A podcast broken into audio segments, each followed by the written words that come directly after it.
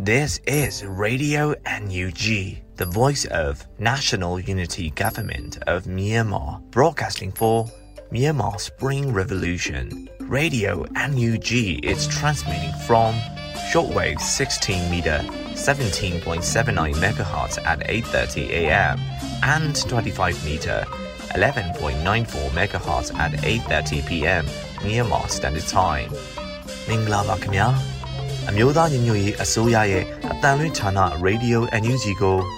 မနက်ပိုင်း၈နာရီခွဲမှာလိုင်းတို16မီတာ7.3 MHz ညပိုင်း၈နာရီခွဲမှာလိုင်းတို25မီတာ17.6 MHz တို့မှာဓာတ်ရိုက်ဖမ်းယူနိုင်စနိုင်ပါပြီမင်္ဂလာအပေါင်းနဲ့ပြည့်စုံကြပါစေအခုချိန်ကစပြီး Radio NUG အစီအစဉ်တွေကိုဓာတ်ရိုက်အတန်လွှင့်ပေးနေပါပြီ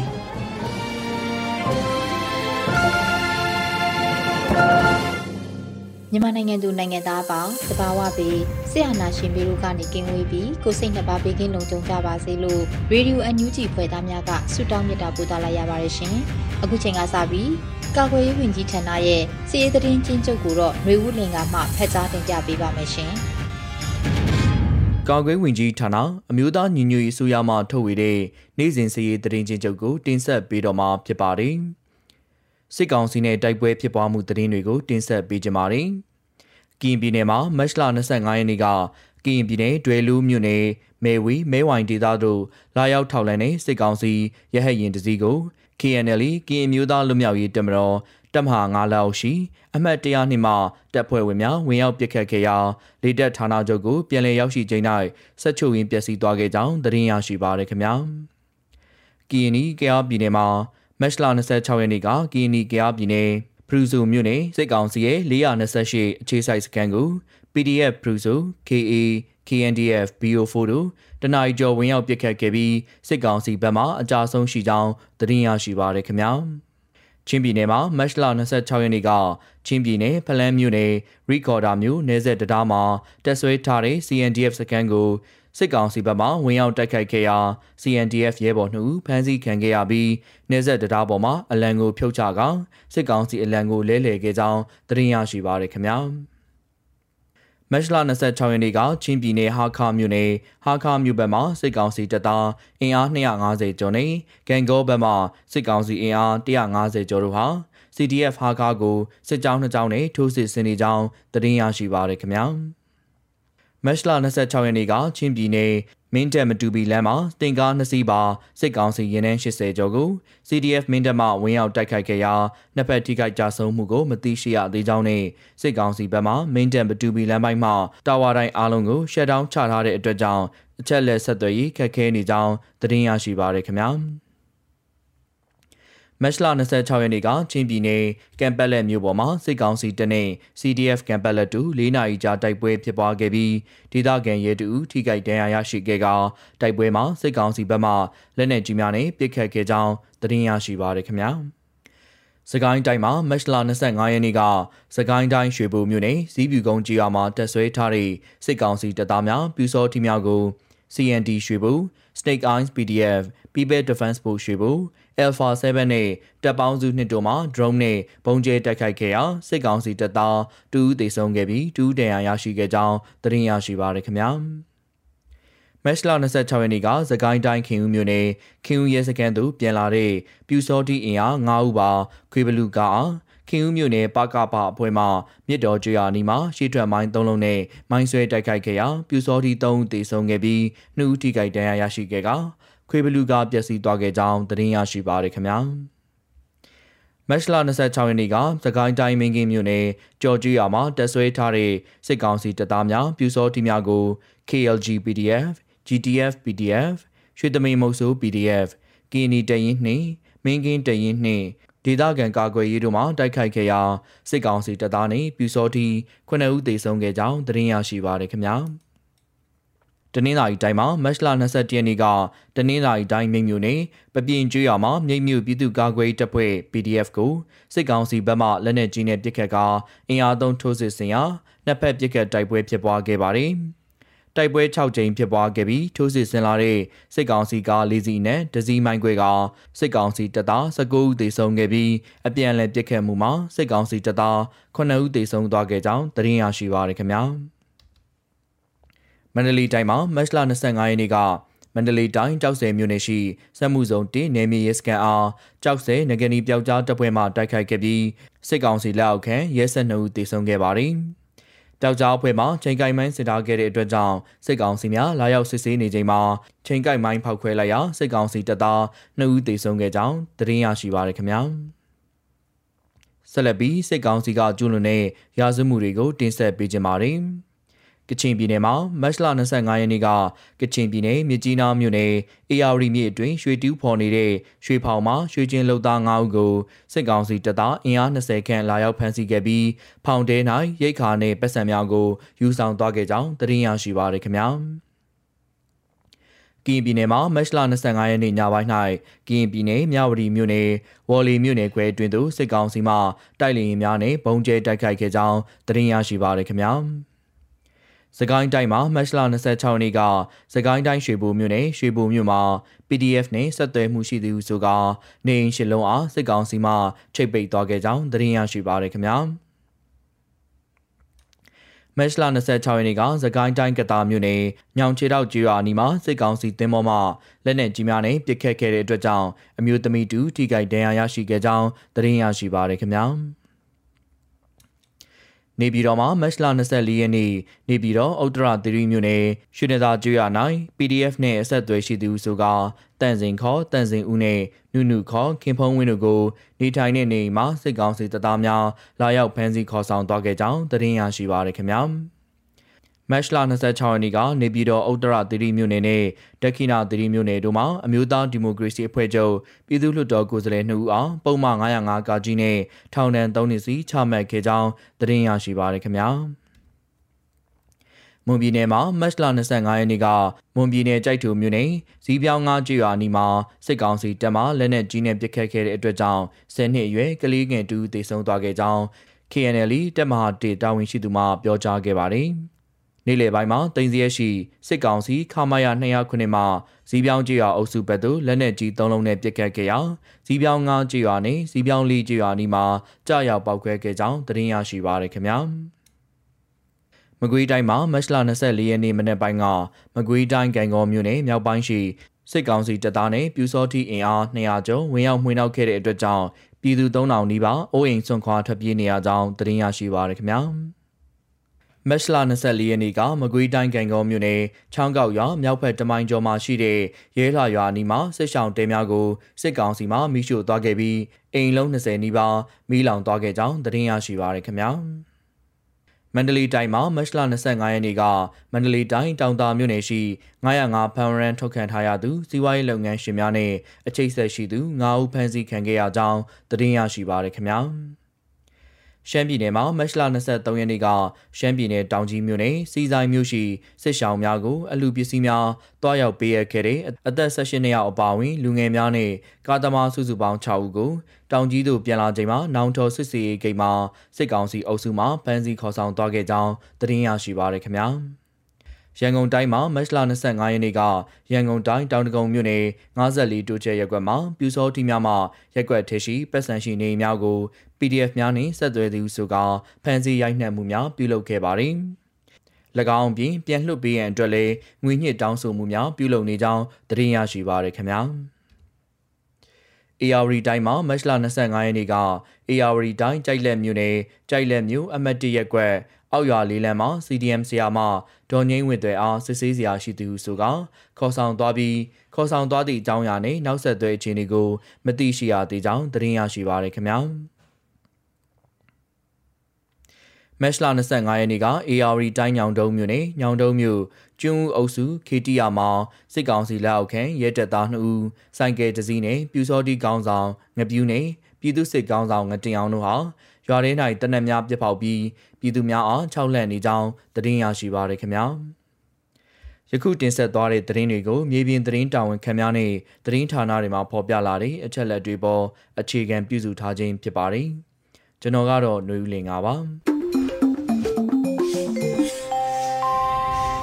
ရေဒီယိုအန်ယူဂျီရဲ့မနက်ခင်းစီစဉ်တွေကိုဆက်လက်တင်ပြနေပါတယ်။အခုဆက်လက်ပြီးနောက်ဆုံးရသတင်းများကိုတော့ရေဦးနှင်းစီမှဖတ်ကြားတင်ပြပေးပါမယ်ရှင်။အခုချိန်မှစပြီးမတ်လ29ရက်နေ့မနက်ခင်းသတင်းများကိုဖတ်ကြားပါတော့မယ်။ဤသတင်းများကိုရေဒီယိုအန်ယူဂျီသတင်းတာဝန်ခံများနဲ့ခိုင်လုံသောမိဖက်သတင်းရင်းမြစ်များစီမှအခြေခံတင်ပြထားခြင်းဖြစ်ပါတယ်ရှင်။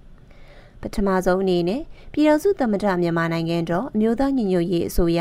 ကြီးညာချက်အမှတ်ခုနှစ်မြင်းဆောင်2022ကိုမတ်လ26ရက်နေ့ကထုတ်ပြန်ကြီးညာခဲ့တဲ့အကြောင်းကိုပြောပြပေးပါမယ်။ကြီးညာချက်အမှတ်ခုနှစ်မြင်းဆောင်2022အပြည့်အစုံမှာ1အမျိုးသားညီညွတ်ရေးအစိုးရကာကွယ်ရေးဝန်ကြီးဌာနသည်ပြည်သူ့ကာကွယ်ရေးတပ်မတော် PDF နှင့်ဒေသဆိုင်ရာပြည်သူ့ကာကွယ်ရေးအဖွဲ့အစည်းများကြားစစ်ဘက်ကုတ်ကဲမှုတည်ဆောက်ရေးနှင့် ပြည်သူ့ခုခံစစ်ပွဲဆင်နွှဲနေစဉ်ကာလအတွင်းစစ်ဘက်စီမင်းစည်းကမ်းများနှင့်ကျင့်ဝတ်များလိုက်နာပြီးပြည်သူတို့၏ဘဝလုံခြုံမှုနှင့်တရားမျှတမှုတို့အတွက်တော်လှန်တိုက်ပွဲဝင်နေသောပြည်သူ့ကာကွယ်ရေးအဖွဲ့များဖြစ်လာစေရေးအာသွန်ခွန်ဆိုင်တိစောက်လျက်ရှိသည်။နှစ် ကာကွယ်ရေးဝန်ကြီးဌာနအနေဖြင့်ပြည်သူ့ကာကွယ်ရေးအဖွဲ့များအားအရက်ဘက်ပြစ်မှတ်များနှင့်အရက်သားပြည်သူများထိခိုက်နေနာစေမည့်တိုက်ခိုက်မှုများကိုရှောင်ရှားကြရန်နှင့်အကျဉ်းသားများတန်ရာရှိသူများကိုစစ်ဘက်စီမင်းစည်းကမ်းများအရက်ဘက်ဥပဒေများနှင့်အညီစစ်မေးထိန်သိမ်းကြရန်ပညာပေးခြင်းညွှန်ကြားချက်များထုတ်ပြန်လိုက်နာစေခြင်းများဆောင်ရွက်လျက်ရှိသည်၃ 26စက်တလ2021တွင်ဒေသကာကွယ်ရေးတပ်ဖွဲ့တစ်ခုဖြစ်သည့်ဘိုးတမ်နီဦးဆောင်သောရင်းမာပင်ပြည်သူ့ကာကွယ်ရေးအဖွဲ့ဝင်အချို့ကကိုထိုက်မောင်အပါအဝင် လာပို့ကျွရသား6ဦးနှင့်အခြား၄ဦးအားမှားယွင်းစီရင်ခဲ့သောမှုခင်းတရက်ပေါ်ပေါက်ခဲ့ပြီးရင်ကိစ္စအတွက်လူပြောက်မှုအဖြစ်ကာကွယ်ရေးဝန်ကြီးဌာနထံတိုင်ကြားမှုကိုလက်ခံရရှိခဲ့ပါသည်၄ ကာကွယ်ရေးဝန်ကြီးဌာနအနေဖြင့်ရင်းမာပင်လူပြောက်တိုင်ကြားမှုအတွက်2021ခုနှစ်ဒီဇင်ဘာလ3ရက်နေ့တွင်စုံစမ်းစစ်ဆေးရေးကော်မရှင်တရက်ဖွဲ့စည်းရန်ဆုံးဖြတ်ခဲ့ပြီးကနဦးစုံစမ်းစစ်ဆေးမှုများပြုလုပ်ခဲ့သည်ထို့နောက်စစ်ရေးပြမှုဆိုင်ရာစုံစမ်းစစ်ဆေးရေးဗဟိုကော်မရှင်တရက်အားတရားရေးဝန်ကြီးဌာနမှဥပဒေပညာရှင်များဖြင့်ပေါင်းစပ်၍တိုးချဲ့ဖွဲ့စည်းခဲ့သည် စုံစမ်းစစ်ဆေးရေးဗဟိုကော်မရှင်သည်အထက်ဖော်ပြပါရင်းမပင်အမှုအပါအဝင်ဆက်ဆက်အမှုများစစ်ရေးပြမှုများအားဆက်သွယ်ရေးဆိုင်ရာအခက်အခဲများစွာကြားမှကြိုးပမ်း၍စုံစမ်းစစ်ဆေးမှုများပြုလုပ်ပြီးတာဝန်ရှိသူများကျွလွန်သူများအားအရေးယူနိုင်စေရန်နှင့်နှစ်နာသူများအားတရားမျှတမှုခံစားရရှိစေရန်ဆောင်ရွက်ခဲ့ပါသည်ငါစစ်ရေးပြမှုဆိုင်ရာ စုံစမ်းစစ်ဆေးရေးဗဟိုကမရှင်သည်ပျောက်ဆုံးနေသူများနှင့်ပတ်သက်၍ရင်းမာပင်ပြည်သူ့ကာကွယ်ရေးအဖွဲ့ခေါင်းဆောင်ဗိုလ်တမနိနင့်နာသူမိသားစုဝင်17ဦးနှင့်အခြားသက်သေ10ဦးကိုစုံစမ်းစစ်ဆေးခဲ့ပြီးကြားဖြတ်အစီရင်ခံစာနှင့်သုံးသက်ချက်တွေ့ရှိချက်များအားအမျိုးသားညီညွတ်ရေးအစိုးရသို့18ရက်3လ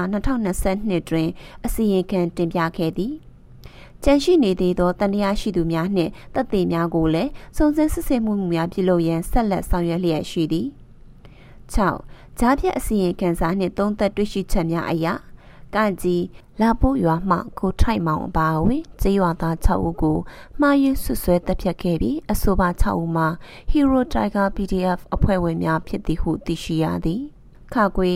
အဆိုပါကျေးရွာသား6ဦးအပြင်မိသက်ရဲဘော်2ဦး ကားမောင်းသူတဦးနှင့်ခြေထောက်တန်ရာရရှိနေသောမိသက်ရဲဘော်အားကုညီရန်လိုက်ပါလာသည့်လူငယ်တဦးကိုလည်းတပ်ဖြတ်ခံခဲ့ရသည်ဟုစစ်ဆေးတွေ့ရှိခဲ့သည်။ကငယ်ဤတပ်ဖြတ်မှုကိုရင်းမပင်ဒေသကာကွယ်ရေး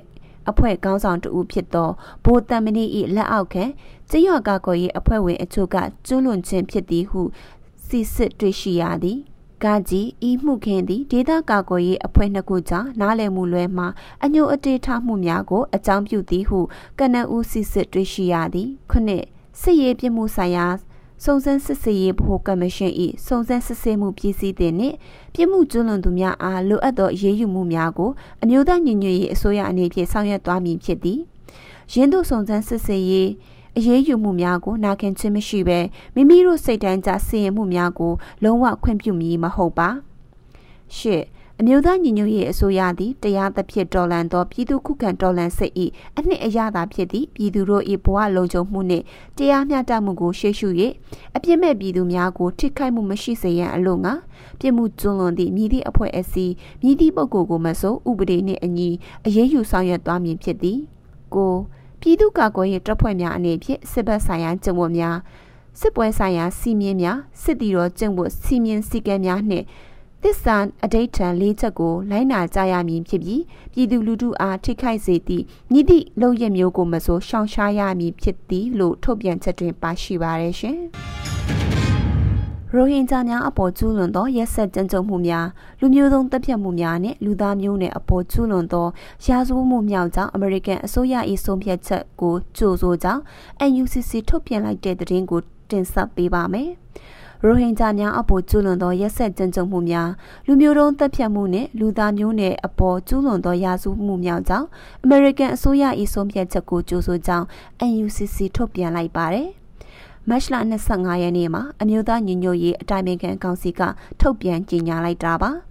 ထုတ်ပြန်ကြေညာချက်မှာမြန်မာစစ်တပ်ကရာဇဝမှုမြောက်ကြောင်းတရားဝင်ဆုံးဖြတ်ချက်ကို NUCC ကအလေးအနက်ကြိုဆိုပြီးတော့ American နိုင်ငံသားရေးဝန်ကြီးရဲ့အလေးပေးပြောဆိုချက်ကိုလည်းတွေ့ရှိရတယ်လို့ဖော်ပြထားပါတယ်။ ဒါအပြင်အဆိုပါဆုံးဖြတ်ချက်ကိုဆုံးဖြတ်ခဲ့တဲ့ American အစိုးရကို NUCC ကအထူးကျေးဇူးတင်ရှိပြီးတော့ NUCC အနေနဲ့မြန်မာပြည်သူပြည်သားအားလုံးနဲ့ရိုဟင်ဂျာလူနည်းစုများဆယ်စုနှစ်ပေါင်းများစွာကြာခံစားနေရသောဆင်းရဲထိခိုက်နစ်နာမှုများကိုနက်နက်ရှိုင်းရှိုင်းအတိမတ်ပြုတယ်လို့ဖော်ပြထားပါတယ်ရှင်။အမှန်အမှားဆိုတာခွဲခြားမဲ့အစား အနေချောင်အစားချောင်ရင်ပြီးရောဆိုတဲ့လူအများစုရှိတဲ့ရဲတပ်ဖွဲ့ဆိုကြီးဖြစ်နေပြီလို့ CDM ရဲတအူးကဖွင့်ဟပြောကြားတဲ့သတင်းကိုတင်ဆက်ပေးပါမယ်။အမှန်အမှားဆိုတာခွဲခြားမဲ့အစားအနေချောင်အစားချောင်ရင်ပြီးရောဆိုတဲ့လူအများစုရှိတဲ့ရဲတပ်ဖွဲ့ဆိုကြီးဖြစ်နေပြီလို့ CDM ရဲတအူးကဖွင့်ဟပြောဆိုလိုက်ပါတယ်။မတ်လ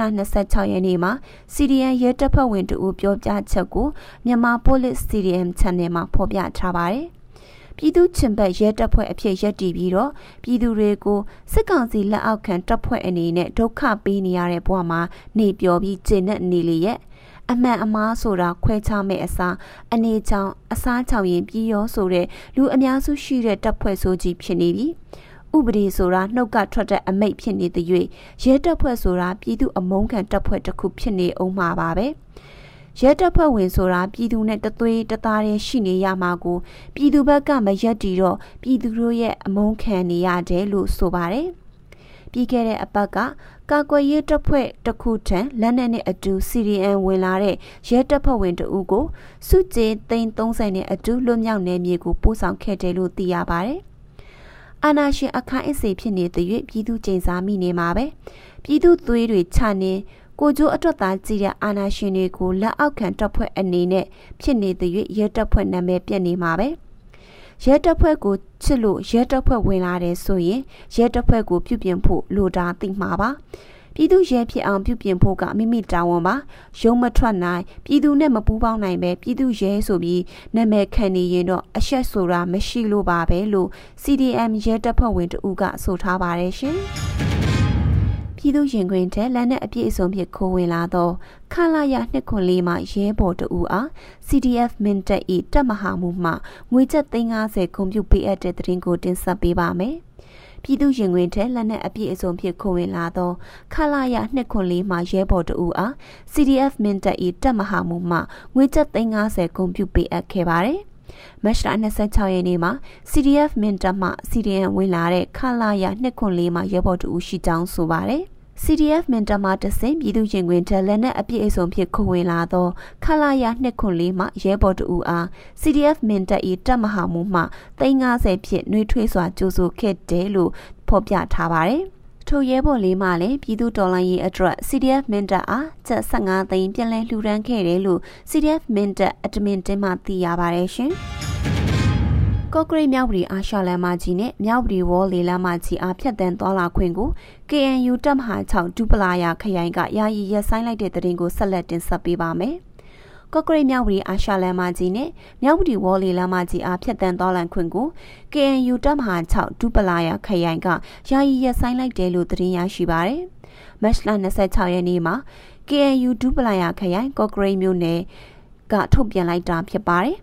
အာနာသိန်းစစ်ကောင်စီတပ်ဖွဲ့ဝင်များ၏လှုံ့ဆော်ချက်များသည်မိမိတို့ဒူပလာယာခရိုင်နှင့်အမှတ်6တပ်မဟာအတွက်ကြီးမားသောစိန်ခေါ်မှုဖြစ်ပါတယ်။ထိုစိန်ခေါ်မှုများအားရင်ဆိုင်ရန်အတွက်29ရက်3လ2022မှာစ၍ကော့ကရိတ်မြဝတီအာရှလမ်းမကြီးနှင့်မြဝတီဝေါ်လီလမ်းမကြီးအားအသုံးပြုလျက်ရင်များဖြတ်တန်းသွားလာခြင်းကုသရောင်းဝယ်ခြင်းများကိုယာယီရပ်ဆိုင်းထားကြရန် KNU ဒုပလာရခရိုင်ကော့ဂရိတ်မြို့နယ်အမြဲတမ်းကော်မတီမှအသိပေးထုတ်ပြန်အပ်ပါတယ်လို့ဖော်ပြထားပါတယ်။ စစ်ကောင်စီတပ်များဟာကရင်ပြည်နယ်ကိုလက်ရှိစစ်ကြောင်းထိုးလျက်ရှိနေပြီးတော့ဒေသခံပြည်သူတထောင်ကျော်ဟာမတ်လ25ရက်နေ့ကထိုင်းနိုင်ငံနယ်စပ်ကိုဖျက်ပြေးတိမ်းရှောင်နေရပါတယ်ရှင်။ကျမကတော့ຫນွေဦးနှင်းစီပါရှင်။ဗီဒီယိုအန်ယူဂျီရဲ့မနက်ခင်းစီစဉ်တွေကိုဆက်လက်တင်ပြနေပါတယ်။အခုတစ်ခါ PPTV ရဲ့နေ့စဉ်သတင်းများကိုတော့ထက်ထက်အင်ဒရာမှဖတ်ကြားတင်ပြပေးပါမယ်ရှင်။ပ ထမဆုံးတင်ဆက်ပေးမှာကတော့တော်လှန်ရေးနေ့မှာလျှက်စစ်မီပိတ်တဲ့ကမ်ပိန်းပြုလုပ်ဖို့အမျိုးသားညီညွတ်ရေးအစိုးရလျှက်စစ်နဲ့စွမ်းရည်ဝန်ကြီးဌာနကတိုက်တွန်းနှိုးဆော်မှုတွေပြုလုပ်နေတဲ့ဆိုတဲ့သတင်းကိုတင်ဆက်ပေးပါမယ်။ မတ်လ28ရက်နေ့မှာကြာအောင်မယ်တော်လှန်ရေးနေ့မှာသတင်းလာချိန်ည8နာရီကနေ8နာရီခွဲအထိနိုင်ငံတော်ဝန်အိမ်တိုင်းအိမ်တိုင်းကလျှက်စစ်မီမတုံးပဲဆန္ဒပြကမ်ပိန်းပြုလုပ်ဖို့အမျိုးသားညီညွတ်ရေးအစိုးရလျှက်စစ်နဲ့စွမ်းရည်ဝန်ကြီးဌာနကတိုက်တွန်းနှိုးဆော်မှုတွေပြုလုပ်နေတာပါ။လွန်ခဲ့တဲ့89နှစ်ကကမ္ဘာပြည်သူတွေကြောက်ကိုထိုးဖောက်ဝင်ရောက်လာတဲ့နာဇီနဲ့ဖက်စစ်ဝါဒတို့ကိုကျွန်တော်တို့နိုင်ငံသားတိုင်းရင်းသားတွေကလည်းကမ္ဘာပြည်သူတွေနဲ့အတူမတ်လ28ရက်မှာလဲနီလေအောင်မြင်းဆောင်မကြံတော်လှန်ခဲ့ကြပါတယ်။တော်လှန်ရေးနေ့ကိုဂုဏ်ပြုတဲ့အနေနဲ့သူ့ကိုပုံပြောင်းဖော်ပြခဲ့တဲ့တက်မတော်နီဆိုတာကိုစန့်ကျင်တဲ့အနေနဲ့ညဘက်သတင်းလာချိန်ည8နာရီကနေ8နာရီခွဲအချိန်အထိနိုင်ငံတော်ဝန်အိမ်တိုင်းအိမ်တိုင်းကလျှက်စစ်မီမတုံးဝဲနဲ့ဆန္ဒပြကြဖို့ဖိတ်ခေါ်ပါတယ်လို့လျှက်စစ်နဲ့စွမ်းရည်ဝန်ကြီးဌာနရဲ့သတင်းထုတ်ပြန်ချက်မှာဖော်ပြထားပါတယ် အခုတင်ဆက်ပေးမှာကတော့နိုင်ငံတော်ရဲ့အတိုင်ပင်ခံပုဂ္ဂိုလ်ဒေါအောင်ဆန်းစုကြည်ရဲ့မွေးနေ့မှာအမျိုးသားညီညွတ်ရေးအစိုးရကိုယ်စားလှယ်အဖွဲ့တက်ရောက်ဖို့နော်ဝေနိုင်ငံကဖိတ်ကြားလိုက်တဲ့ဆိုတဲ့သတင်းမှာ နိုင်ငံတော်ရဲ့တိုင်ပင်ခံပုဂ္ဂိုလ်ဒေါအောင်ဆန်းစုကြည်ရဲ့မွေးနေ့ကိုနော်ဝေနိုင်ငံမှာရှိတဲ့ဒေါအောင်ဆန်းစုကြည်ပန်းချံမှာပြုလုပ်မှာဖြစ်တဲ့အတွက်အမျိုးသားညီညွတ်ရေးအစိုးရနော်ဝေနိုင်ငံဆိုင်ရာကိုယ်စားလှယ်အဖွဲ့ကိုတက်ရောက်ဖို့အတွက်ပန်းချံတီရှိရာမြို့ဖြစ်တဲ့ Fallen မြို့တော်ဝန်နဲ့ပန်းချံကော်မတီအဖွဲ့ကလာရောက်ဖို့ဖိတ်ကြားခဲ့ကြောင်းနော်ဝေနိုင်ငံကိုယ်စားလှယ်ရုံးကသတင်းထုတ်ပြန်ပါတယ်။ ဆက်လက်တင်ဆက်ပေးမှာကတော့လက်ရှိချိန်မှာဆက်အနာရှင်ပြုတ်ကြရေးလုပ်နေလို့အပြည့်အခက်ရက်စရေးကိုလုံးဝမလုပ်သင့်ဘူးဆိုပြီးကရင်အမျိုးသား CEO KNU ရဲ့ပြောရေးဆိုခွင့်ရှိသူဘရူစော်တော်နီကပြောကြားလိုက်တဲ့ဆိုတဲ့သတင်းမှာလက်ရှိချိန်ကာလဟာဆက်နာရှင်ပြုတ်ကြရေးလုပ်နေကြတာဖြစ်တဲ့အတွက်အပြည့်ခက်ရဲစရေးကိုလုံးဝမလုပ်သင့်ဘူးဆိုပြီးတော့ကရင်မျိုးသားအစည်းအရုံး KNU ရဲ့ပြောရေးဆိုခွင့်ရှိသူလည်းဖြစ်နိုင်ငံခြားရေးဌာနတာဝန်ခံလည်းဖြစ်တဲ့ဘရူစော်တော်နီကပြောကြားလိုက်တာပါ။ ဒီပြောကြားချက်ကိုတော့ဘရိုစော်တနီကအေယာဝတီသတင်းဌာနနဲ့အင်တာဗျူးမှာထည့်သွင်းပြောကြားခဲ့တာလည်းဖြစ်ပါတယ်။ကရင်မျိုးသားစီယုံဟာသတ်မှတ်ထားတဲ့ခရိုင်တွေအတွင်းမှာလည်းအကြမ်းဖက်စစ်ကောင်စီလက်ပါစီဝန်ထမ်းတွေထွက်သွားဖို့အရေးသက်ဆိုင်ရာခရိုင်အုပ်ချုပ်ရေးပိုင်းကစာထုတ်ပြန်ထားပြီးလုပ်နေပါတယ်။အကြမ်းဖက်စစ်ကောင်စီဘက်က KNU ကိုသူတို့သဘောနဲ့ဖွဲ့စည်းထားတဲ့ဒေတာရင်းအပြည့်ရဲ့ညှိနှိုင်းရေးအဖွဲ့မှပါဝင်ဖို့အတွက်အကြောင်းကြားစာပေးပို့ထားပေမဲ့လည်း KNU ဘက်ကလက်မခံဘူးလို့လည်းပြောကြားထားပါတယ်။ လက်ရှိချိန်မှာတော့ကရင်ပြည်နယ်ဒုပလယာခရိုင်အတွင်းက 4K ကောဒေသမှာတိုက်ပွဲတွေပြင်းထန်စွာပြန်လည်ဖြစ်ပွားနေပါတယ်။အကြမ်းဖက်စစ်ကောင်စီတပ်တွေရဲ့နေမြေကျူးကျော်မှုတွေကြောင့်အခုလိုတိုက်ပွဲတွေဖြစ်ပွားနေရတာဖြစ်တယ်လို့လည်းလက်နက်ကင်တော်လှန်ရေးအဖွဲ့တွေကမှတ်ချက်ပြုထားကြပါတယ်။အခုဆက်လက်ပြီး ရေဒီယိုအန်ယူဂျီပရိသတ်တွေအတွက်တိုင်းသားဘာသာစကားထုံးလွှင့်မှုအနေနဲ့ချိုးချင်းဘာသာစကားပွဲတစ်ခုဖြစ်တဲ့မွန်ဘာသာဖြင့်သတင်းထုတ်လွှင့်မှုကိုနားဆင်ကြရမှာဖြစ်ပါတယ်။ဒီစီစဉ်ကိုရေဒီယိုအန်ယူဂျီနဲ့ချိုးချင်းဘာသာစကားထုံးလွှင့်မှုဖွဲ့လို့ပူးပေါင်းတင်ဆက်ထားတာဖြစ်ပါတယ်ရှင်။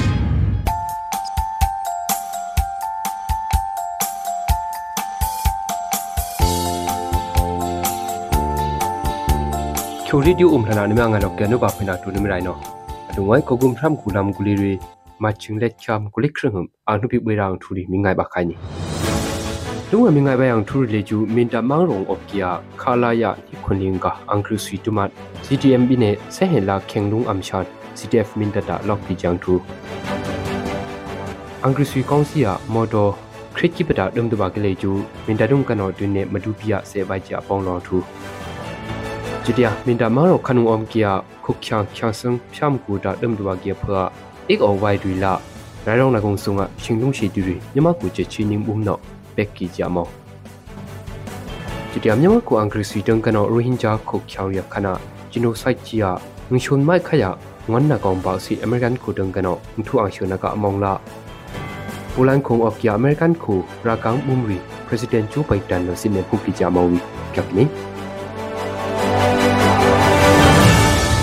of kia American khu rakang mumri President Joe Biden lo sin hu ki jamawi kyak ni Tin kya gong asu ya mindamang long of kia khala ya ni khun lenga angri sui tuma leju se het la khenglung amchan CTF mindata CTM bine rock ki ja bribrikang lecha nguling phang hum phanau kini ashina ro lo kia angri sui kong siam leju ngui tam kap maki peune CTF mindata tang kanao လောက်ခရခင်ယုံအဟိခိုတငါအမီတူနာအော့ခါဂျီပီမနာအော့ကိနီစီတက်ဖမင်ဒတာရောလော့ကျန်ဂရစီကောင်စီလေချူအဝန်ချောင်ဆုံ အရှာလောက်လောက်ခိုင် JP CTF မင်တာတန်ကနော်ပစ်ကိနီဘရီဘီကဖေဘရင်ကချောင်း CTF မင်တာနော်အင်္ဂရိစွီကောင်စီယဆုငါခေငလုံရီခိနာအော့ခကြအပရနာကုံကရှိုစီခေငလုံရီယွိဝယာအင်္ဂရိစွီတန်ကနော်ပရက်ဆာနာရီအုံလောက် KJP CTF မင်တာတန်ကနော်ပစ်ကိနီချူတျာမော်တော့ကခရစ်ကိပလောက်ဖလွန်ကီယာအင်္ဂရိစွီကောင်စီလေကျူမင်တာမောင်ရုံကနော်ဖေဘရင်ကချမ်ကူလစ်ခရုငုဒွန်းနေဒီလနေအတုပလေကျူမင်တာမောင်ရောလာမတူပီမောင်ရောမက်တုံ shalik khru kang lakung lot lo ne ctf min da tung kan dung kana om gi gi phi phana ok ni ashina pong lo kia angru si kong si moto crit gi ju madu pi mang lo la plet wa tung ga ase bai apong na om hing gi gi phi prit ku ni ashina pong lo kia moto ka crit gi da dum ba kia angru si le ju ctf min da tung kana ana ban ni mka na ri om gi ke se yanda fibrin ko cha mgulik khru hum ctf min da la angru si ang lakung dung kana ok gi gi phi phana ok ni အပိုင်အပေါင်းနာအုံဟင်ဂီဂျီပီပရစ်ကွနီအရှိနာပေါင်းလောကီယာမော်တော်ကာခရစ်ကီပဒါတမ်ဒဘာကီယာအင်္ဂရိစီလေဂျူစီတက်မင်တတန်ကနော anak ban ni mka na ri omgi ke si yanda fibrin kwa cha mguli khrung hum ctf min dat la agrisiang la kung dung ka na opki gp phanaw kini ashina min da mang ro la madu piang la yung le ju agrisi kaung si dang kano ngam ya se sun na vai phua phone line ri internet line ri jumpi am khu na opki ja phanaw kini chita min da mang ro ma thum ki blau shu kya kamble mang rong jumpi yanda ko oi dong kano dun ne agrisi kaung si la ctf phang la kung dung ka na opki ja ဖနာကိနီချိုခုမင်တမောင်ရောခနုံအော့ကျချန်စင်ဖျမ်ကူလီအဒတာဒမ်တူဘာဂီဖွာမြန်မာခုချချင်းနေမှု MRCS တန်ကနောခုတ်ချောင်ရီဖွာရိုင်ရောင်နာဘယာအိကောဝီလာရိုင်ရောင်နာကုံဆုငါအရှင်လုံးရှိသူရီအမပေနာအော့ကိနီမင်တမောင်ရောခနုံအော့ကျအင်တုံဖြတ်ထုံလာခရီဖွာအင်တုံအတုံငွေတမ်ကပ်အရီချီယာပက်ကွီဂျီပီငမီနောပရစ်ကွီနီကျူတျာအရှင်နာကက်ဆက်တီကီယာမုံယောင်ပေါစီဖုန်ဖတ်နာဝယာမထီနာရီဂျုံပီအောမမွေယာချန်စင်ဖြမ်ကူလီအလာခရစ်ကိဘလခရုကဖွာရိုင်ရောင်နာကရှင်လုံရှိသူရီအမေပေနာအော့ကိကြငမီနောပရစ်ကွီနီ မင်ဒမန်ရောခနာချချင်းင်းဘုံလေကျုံဘရဘရကခကုံဖရမ်ကူလမ်ကူလီအန်ဂျူလိုင်းဘုချန်ကနောဒီနေတူအနာဖွာအုံခုနောင်ကျခုချောင်ရဖွာခိုင်နာကခေါ်ရီအဒမ်အကဒါအမေပေနာပရီအောမမယလောက်ခရခင်ယုံဂျုံပီခိုင်နာရီအဒမ်အမ္မခါဂျီငမီနောပရစ်ကွီနီမြန်မာခုအင်္ဂရိစီနောခက်ကန်ကြကြရိုဟင်ဂျာခုချောင်ရီခနာยกกานาไลจิโนไซจียอามิงชุนไมขยะงอนนักริเลจูอเมริกันคูตึงกันอ ဘရိဘရိကမချင်းလက်ချမ်ကုလေအုံဟုပလစ်ကိနီအရှိမယမြန်မာခုအင်္ဂရိစီကောင်စီတန်ကနောအနာအမရုနာကခုံဟုဖုန်ကနောဒုနေခုတ်ချောင်ရခနာယုတ်ကနာအဒမအဒါအဘိနာအ ோம் ကီဂျီပီ Human Rights Watch Director Yakya John Siftong no Britkini Jitia ang hubiang thule ju US President Yakya Joe Biden le ju Ukraine khula bulan ko ning lagung opkia American khura kang bum re omna ka ma chingle kham kuling hang hum sine mu na bitkini bit kine ashina US President ya kya Joe Biden dang gano adu bem bri bri ka khong hup khri a krong Europa khoryung sit ne Ukraine khu phwa khai na waya khori ara waya ak thana om mu ya Ukraine khu la bulan khu ning lagung op kiya American khu khyang ra kang bum ri jumpi sin ne am hu khrum na op kine President Joe Biden le ju bri bri ka Europa Korea khong hup phi ase na gung Belgian khu Brapser mang ro mi biya NATO EU la G7 hung khrum na kung jumpi akai na ambriko na Poland ko op kia American rakang bum ria sin ne ang hu ya ki ja ningam the dir ne adung wa phang thu mi ngai le ju ashim bang ya ka ni nyama ko krum ne op kia khyo za khyang ri nyama ko khyang wan ayo thi sin na ong ai na ri ayo mai so ja shin ka ninga tai ri bi ni dai number